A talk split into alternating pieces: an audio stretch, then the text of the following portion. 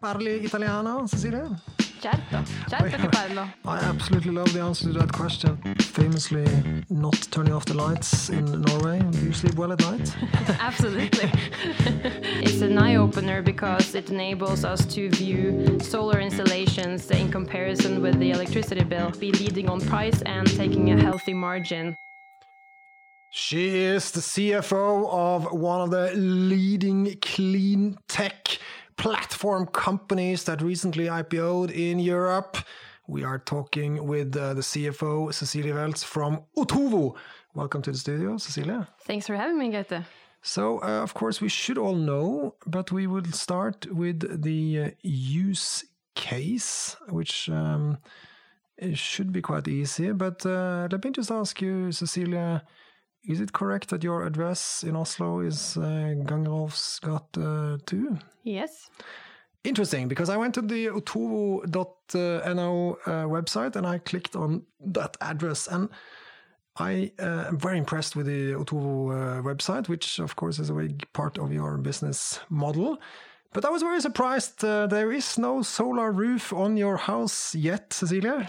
No, it's a shame. It's a shame. Um, I have to say we're uh, we're a bit disappointed, but we the house is on the sort of uh, a cultural heritage list. That means that any uh, alteration to the facade is a no go. Um, I've heard rumors though that the municipality of Oslo is uh, is pro uh, energy efficiency measures. So I, have heard that uh, there is a very green uh, yep. municipality government. Yep. So uh, in the future, fingers crossed.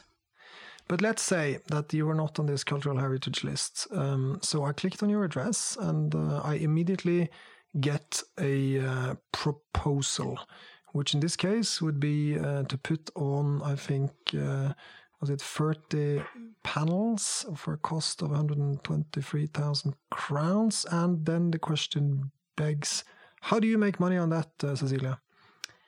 Well, I think uh, 30 panels, that would be, I guess, about um, between 7,000, 8,000 kilowatt hours produced uh, a year. I think that's probably 25% of of my uh, energy consumption. So I guess that's, you know, I, I reduced my energy bill by 25%, and that would give me a payback time of about 15 to 17 years, I think, if uh, depending on what electricity price you put in. But I guess the solar panels live for 25 to 30 years, so so that's uh, that's a positive uh, IRR. I absolutely love the answer to that question because you immediately answered on behalf of Cecilia, the consumer. And that's, of course, the most important thing because we got to sell a product that uh, the consumer is happy with. But how does Otovo make money if we are off this cultural heritage list and we manage to put on the 30 panels on your house? How do you make money on that? So for Otovo, we would um, get a, a, price quote from an installer, and uh, and uh, we would add uh, a margin to that, uh, say twenty five percent for for this uh, this uh, installation, and then that would be our cash in day one. And then the question to the sort of Uber model, which I guess we are understanding that we're in the middle here, where where where uh, Otovo is uh, getting attraction both from the consumer and then from the installation guy. But what's in it for the installation guy? Well, um, the installation guy could be it could be a small uh, installer company, say ten uh, people. It could be a larger installer company, hundred people. I guess the common thing for installers that are part of our platform is that they need to fill up spare capacity. So they have other types of jobs outside the Otovo network, and uh, and uh, basically Otovo is a channel for them to to get uh, leads, to get actual installations, and and fill up their their spare capacity. And how many installation companies do you have on your? Uh, About of... 300 uh, uh, installers on our network. I think that's the largest uh, installer network in Europe. Wow. And they are mainly fairly small shops? Or, yeah. I guess a lot of them are, are uh, smaller, like 10 to 20 people, and we have some larger uh, installer companies as well. Um, and I guess the the value proposition from us is, uh, in, in, addition to filling up their spare capacity, we're also helping them helping them to become more efficient. So, uh, you know, um, we're we're uh, giving them information about how they price each uh, element of the installation, from the scaffolding to the installation uh, it, the work itself, and also uh, putting up bases closer to, for example, areas that are more popular for solar, reducing transport time. So all of these things uh, is something that the platform feeds back to the installer and enables them to provide better, better, better price quotes. Excellent. Now, coming back to your business model, I noticed from your presentation material that you say you have revenue generated from three revenue streams. So let's say, uh, again, you're off that cultural heritage list and your uh, lovely flat roof gets your 30 panels. Then, uh, how does Otovo make money from you in the future? What more can you sell to Cecilia, the client? Well, um, we have recently launched uh, uh, leasing as a, a, part of our product offering. That's uh, basically solar as a service. Yes, that's correct, Gaute. Um, and it means that for Otovo, we uh, get a recurring revenue in addition to uh, the margin uh, on day one, as I mentioned previously. Uh, the asset is owned by a, a separate uh, company, and that company pays Otovo for handling the, the customer relationship for 20 years. And I think this is a quite attractive model also in, in the fact that it, uh, it enables us to have a close relationship with the customer for a 20 year period, making it easier to uh, to sell batteries, uh, EV chargers, um, heat pumps could also be a part of our, our product roadmap for the future. Um, so we're looking at uh, several add-ons to to just the solar installation that we're offering today. Because there is a picture of a Tesla battery on your uh, revenue stream uh, slide on your on your homepage. what, what is what is Tesla? Uh, what is the relationship between Tesla and Otovo in this context, please? So we actually launched uh, battery as a product uh, this year, and we sold our first uh, Tesla Powerwall uh, in uh, in Italy in in February. So um, we're uh, looking to add several types of of batteries, other producers as well going forward to be able to um, make sure that we have have the um, the necessary hardware for to to to satisfy demand. I think we're seeing a lot of questions from customers coming in now in all our markets, wondering when batteries will come to them, and and we're building up that supply chain to be able to to satisfy that demand. Because I guess that's the dream scenario is that you have the solar on the top of the roof, and then you have uh, either a Tesla car or a Tesla battery, which sort of helps you when the sun is not shining. Yep. So that's the storage part, which is more difficult, obviously, in Norway where there's less sun. But you, you mentioned, was it Italy you mentioned where yep. you've been selling this? Okay. Which is excellent because it uh, gently brings us over to the next uh, topics of future growth which is obviously a lot to do with other countries.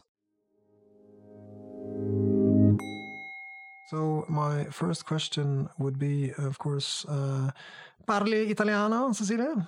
Certo, certo che parlo. Okay, that's uh, that's an impressive answer. But in the Arctic research, I notice that there is a lot of growth coming, obviously, from other countries, and most notably, I see that uh, obviously warmer countries, Spain, France, and Italy is becoming very much more big part of your future. But you started in Norway. Can you take us through this journey? Yes, absolutely. So I think uh, Andreas, the the CEO, uh, went to California in uh, 2014, 15, I think, and uh, saw what was happening in the solar uh, residential solar, solar space there.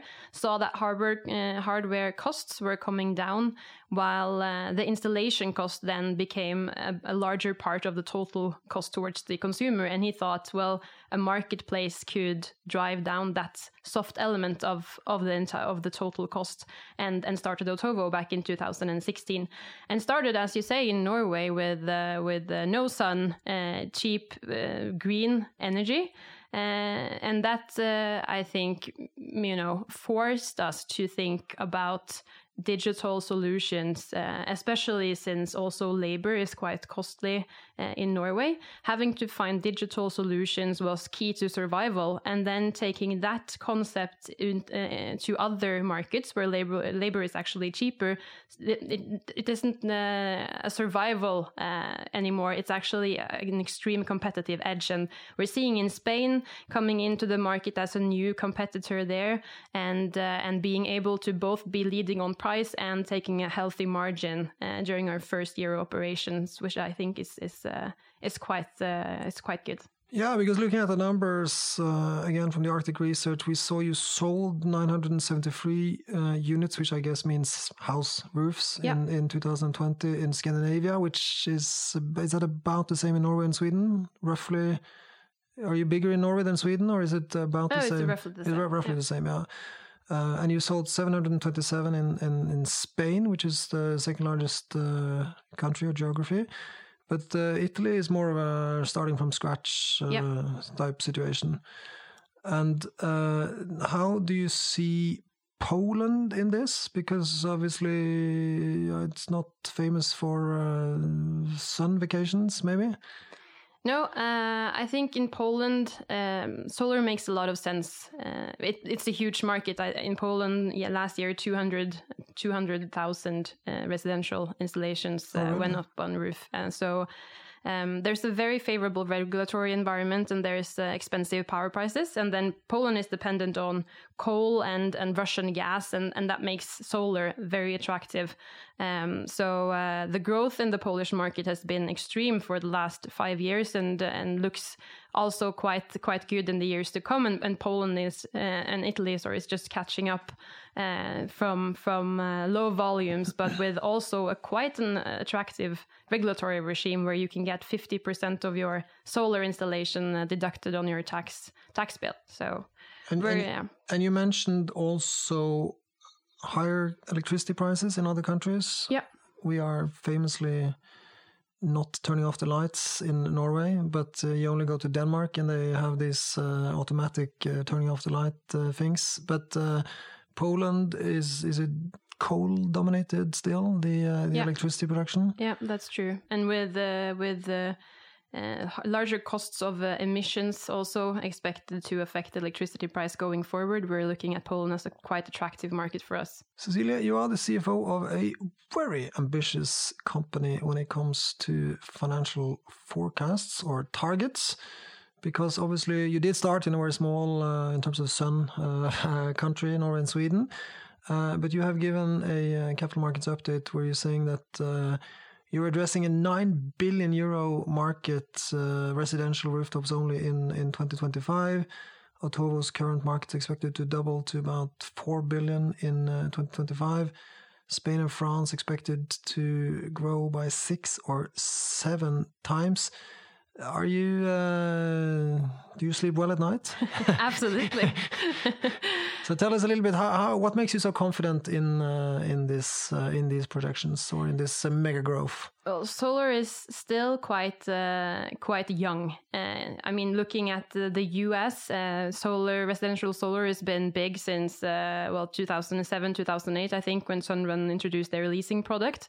Um, and uh, we we've come quite far uh, now, but we have a long way to go. And I think that the largest growth is still ahead of us.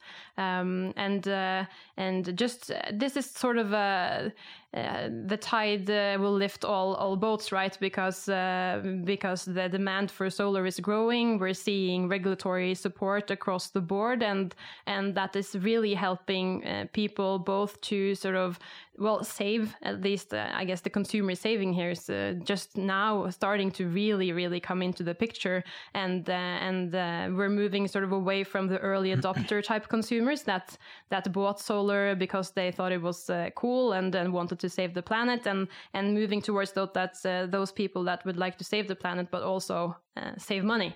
So with those two things in combination, I think that's really what makes the growth picture that realistic uh, and. Uh, and uh, and why we are quite confident that we will be able to to both uh, be part of this growth uh, journey that we're seeing in Europe for solar overall, but in addition to that, also grabbing market share.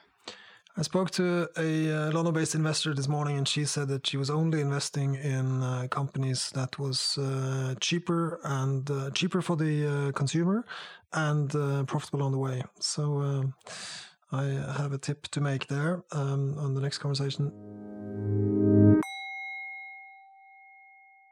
Now, uh, you mentioned your CEO. He uh, famously said he sold his Tesla to be like the uh, Elon Musk of Norway. Are you then, Cecilia, a little bit more like the uh, Lynn Jurich of Norway?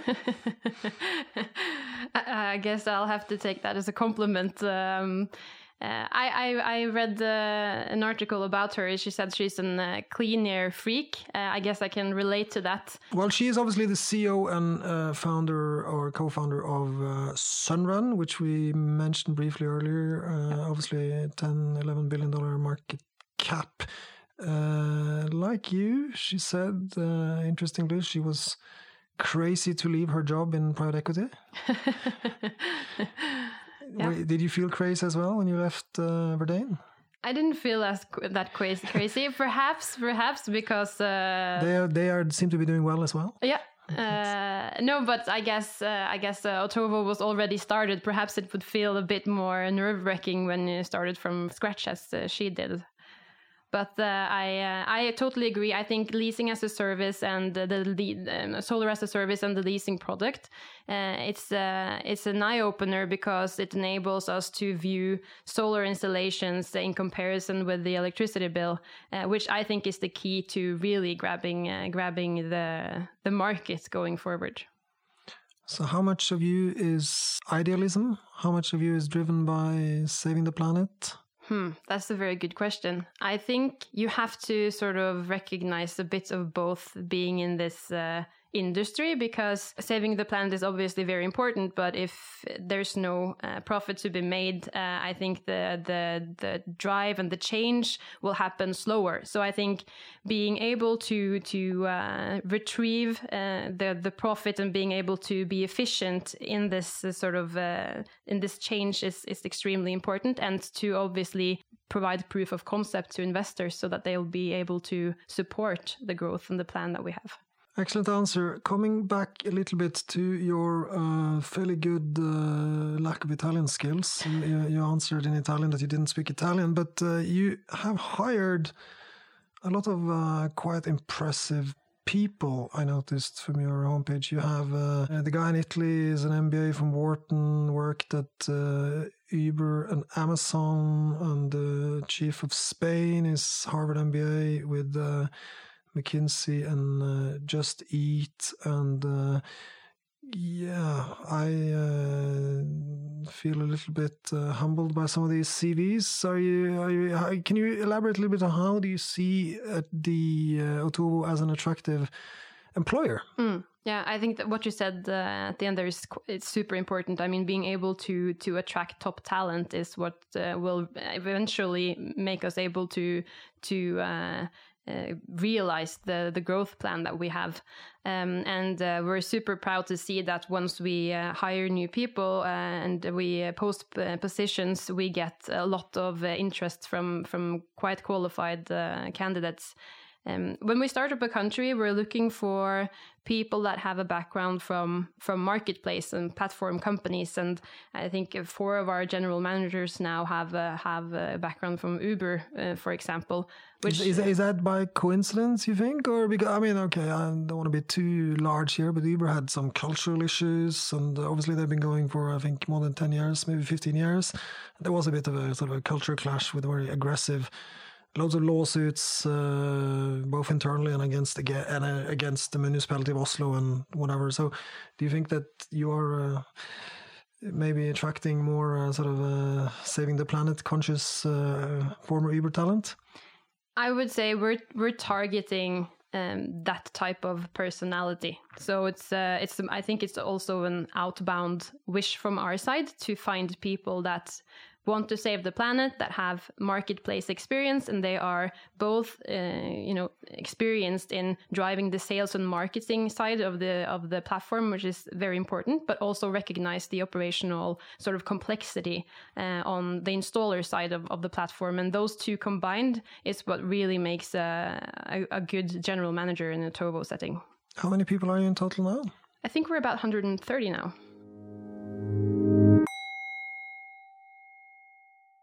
So you have been the CFO in the middle of a pandemic. How has that been? And uh, I guess a very leading and uh, positive uh, ending questions. What do you look most forward to once we are uh, through with this pandemic? I actually started in October, March last year, and uh, that's basically two weeks later we went into lockdown. So um, haven't really had much time being uh, together with colleagues uh, physically. Um, have met everyone on on, uh, on Zoom or. But it's Meet. not the same, is it? It's not the same. Actually, I, I mean, it's a little bit like you don't know if they're high or, or low or, or fat or slim. Might uh, you might see that, but um, but no, I'm really looking forward to those uh, sort of pats on the back and the, the hugs and the, the sort of uh, more the social element, which is something I really miss from from this time, um, and also being able to travel. I mean, I haven't seen the offices uh, outside of uh, Oslo. I would like to see solar installations in Madrid. Uh, I, I would like to sort of experience the whole uh, Otovo. I guess, um, well. I guess the whole organization, and uh, and it's been limited to to Oslo or to home office uh, as of now. So that's something I'm really looking forward to. Very challenging indeed to run an international, fast growing business in the middle of a pandemic. But uh, we at Arctic are obviously very impressed with the journey thus far. We're proud to have been uh, the uh, sole manager on the recent IPO. And obviously, we wish you, Cecilia, and the rest of the management team best of luck and success for the future. So again, thank you very much for coming. Be uh, safe and healthy. And uh, yeah, I think we would uh, look forward to a uh, site visit to uh, Spain and Italy and check out those uh, solar roofs. I maybe some of my Arctic colleagues would like to join you on, on all those trips. Great. Let's arrange for that. Thank you very much, Cecilia. Thank you. This podcast has been prepared by Arctic for information purposes only. The information, opinions, and recommendations presented in this podcast are for general information only, and any reliance on the information provided in this podcast is done at your own risk. This podcast should not be considered professional advice. The information provided in this podcast is not intended to constitute investment advice, nor is the information intended as an offer or solicitation for the purchase or sale of any financial instrument. Relevant and specific professional advice should always be obtained before making any investment or credit decision. It is important to note that past performance is not indicative of future results. This podcast does not fulfill the criteria for preparing investment research and must be seen as marketing material. All information submitted during this podcast is obtained from public sources that Arctic believes to be reliable, but which Arctic has not independently verified. Arctic makes no guarantee, representation, or warranty as to its accuracy or completeness. No liability whatsoever is accepted for any direct or indirect, including consequential loss or expense arising from the use of information from this podcast.